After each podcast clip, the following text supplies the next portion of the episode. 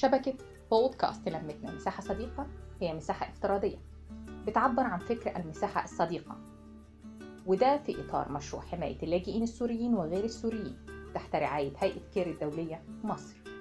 وفي كل حلقة هنقدم أحد الوافدات بعد حصولهن على تدريب مكثف عن صناعة المحتوى والبودكاست وكل واحدة فيهم هتعبر من خلال البودكاست بتاعها تحت ظل الشبكة عن مشروع قضية موضوع بيهمها.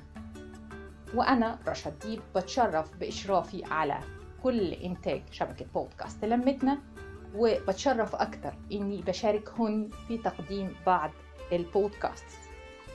خلونا نسمعهم وعلشان كده هحب إن أنا أقدم كل واحدة منهم النهاردة هنستمع لصفاء وبودكاست سكر زيادة صفاء رائدة أعمال على صغير شوية في مجال إنتاج الأطعمة الجاهزة هي بتغلفها وبتبعتها للسيدات بالطلب. وصفاء بودكاستر واعدة جدا وصاحبة إحساس مرهف وشجن ده غير كمان أسلوبها الجميل جدا في التقديم.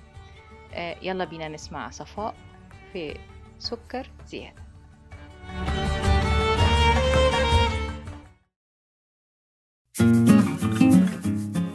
أهلا وسهلا فيكم. مساكم فل وياسمين أصدقائنا المستمعين.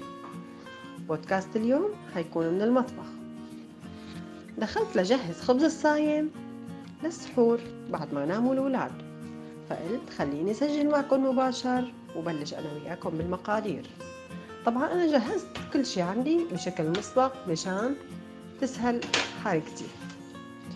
بنبلش بالمقادير. أول شي في عنا الخطوة الأولى يلي هي عبارة عن كوب حليب سائل طبعا دافي كوب حليب دافي مع معلقة خميرة مع معلقة سكر مع كاسة طحين أو كوب طحين.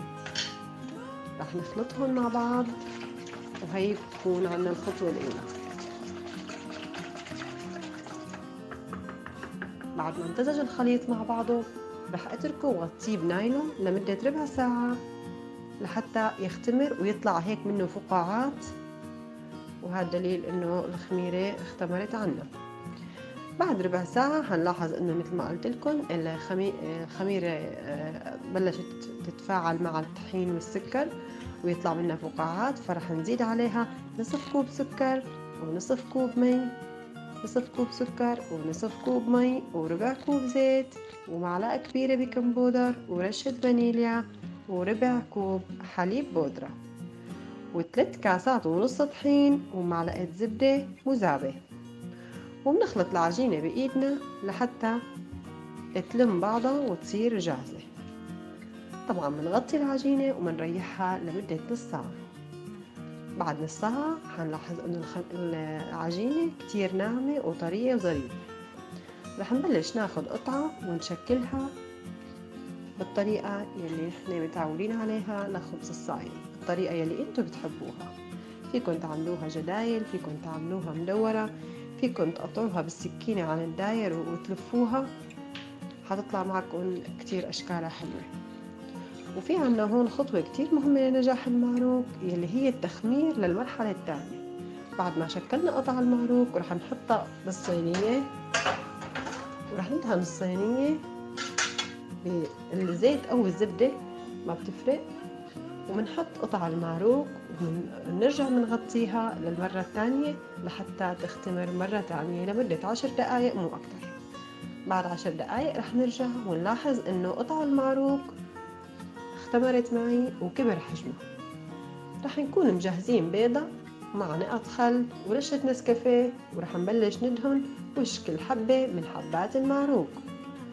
بعد ما دهناهم رح ندخلهم للفرن لتقريبا عشر دقايق ل 13 دقيقة مو أكتر ما بياخد وقت بالفرن. بنحمرها من الأسفل بعدين بنطالعها وبنحمر الوش وهيك رح تكون عندي المعروف جاهز. هي أكتر طريقة سهلة ومضمونة ونتائجها رح ترضيكم وتغنيكم عن شغل السوق. يا رب يكون قدرت أقدم لكم شي وتجربوه وتدعوا لي حبيت. قرب لكم لبعيد وحط بين ايديكم الطرق المضمونة والمجربة واللي نسبة نجاحها مية بالمية.